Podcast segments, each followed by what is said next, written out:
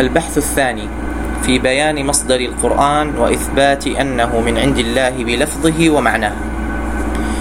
تحديد الدعوة أخذا من النصوص القرآنية. لقد علم الناس أجمعون علما لا يخالطه شك أن هذا الكتاب العزيز جاء على لسان رجل عربي أمي ولد بمكة في القرن السادس الميلادي. اسمه محمد بن عبد الله بن عبد المطلب صلوات الله وسلامه عليه وعلى آله. هذا القدر لا خلاف فيه بين مؤمن وملحد لأن شهادة التاريخ المتواتر به لا يماثلها ولا يدانيها شهادته لكتاب غيره ولا لحادث غيره ظهر على وجه الأرض. أما بعد فمن أين جاء به محمد بن عبد الله صلى الله عليه وعلى آله وسلم؟ أمن عند نفسه ومن وحي ضميره أم من عند معلم؟ ومن هو ذلك المعلم. نقرأ في هذا الكتاب ذاته أنه ليس من عمل صاحبه وإنما هو قول رسول كريم ذي قوة عند ذي العرش مكين مطاع ثم أمين. ذلكم هو جبريل عليه السلام تلقاه من لدن حكيم عليم ثم نزله بلسان عربي مبين على قلب محمد صلى الله عليه وعلى آله وسلم. فتلقنه محمد منه كما يتلقن التلميذ عن أستاذه نصا من النصوص ولم يكن له فيه من عمل بعد ذلك إلا اولا الوعي والحفظ ثم ثانيا الحكاية والتبليغ ثم ثالثا البيان والتفسير ثم رابعا التطبيق والتنفيذ. أما ابتكار معانيه وصياغة مبانيه فما هو منها بسبيل وليس له من امره ما شيء إن هو إلا وحي يوحى. هكذا سماه القرآن حيث حيث يقول وإذا لم تأتهم بآية قالوا لولا اجتبيتها قل إنما أتبع ما يوحى إلي من ربي.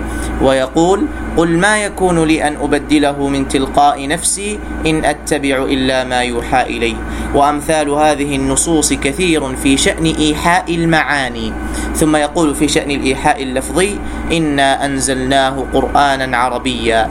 سنقرئك فلا تنسى.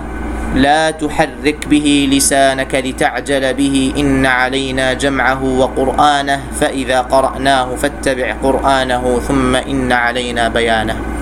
ويقول اقرأ واتلو ورتل فانظر كيف عبر بالقراءة والإقراء والتلاوة والترتيل وتحريك اللسان وكون الكلام عربيا وكل أولئك من عوارض الألفاظ لا المعاني البحتة.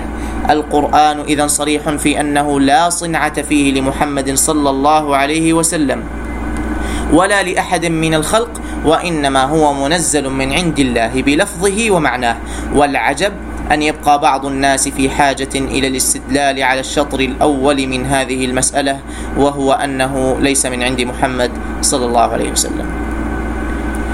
تبرؤ محمد صلى الله عليه وسلم من نسبة القرآن إليه ليس ادعاء يحتاج بينة بل هو إقرار يؤخذ به صاحبه.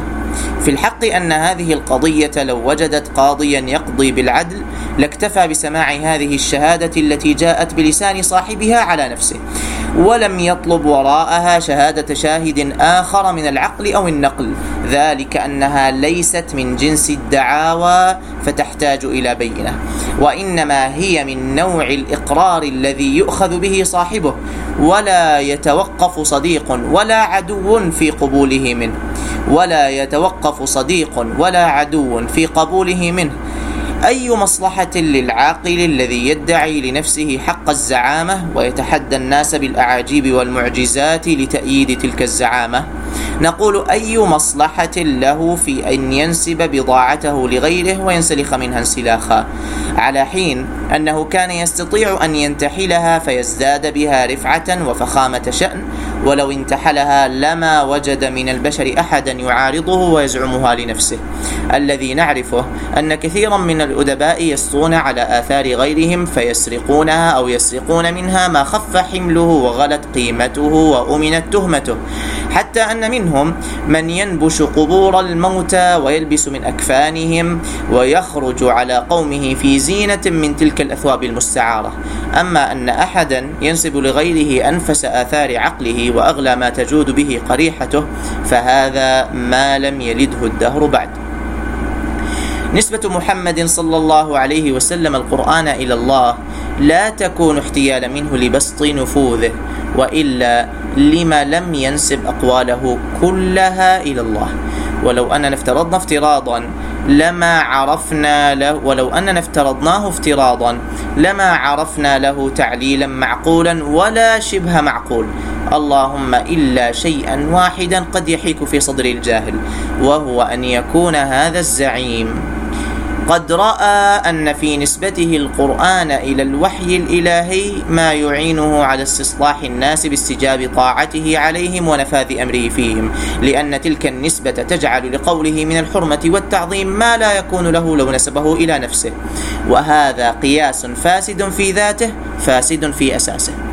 أما أنه فاسد في ذاته فلأن صاحب هذا القرآن قد صدر عنه الكلام المنسوب إلى نفسه والكلام المنسوب إلى الله تعالى فلم تكن نسبته ما نسبه إلى نفسه بناقصة من لزوم طاعته شيئا ولا نسبة ولا نسبة ما نسبه إلى ربه بزائدة فيها شيئا بل استوجب على الناس طاعته فيهما على السواء فكانت حرمتهما في النفوس على سواء وكانت طاعته من طاعة الله ومعصيته من معصيته من معصية الله.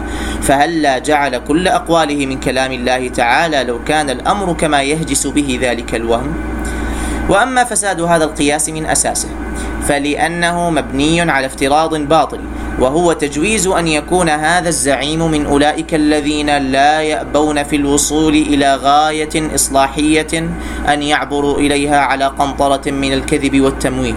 وذلك أمر يأباه علينا الواقع التاريخي كل الإباء فإن من تتبع سيرته الشريفة في حركاته وسكناته وعباراته وإشاراته في رضاه وغضبه في خلوته وجلوته لا يشك في أنه كان أبعد الناس عن المداجاة والمواربة.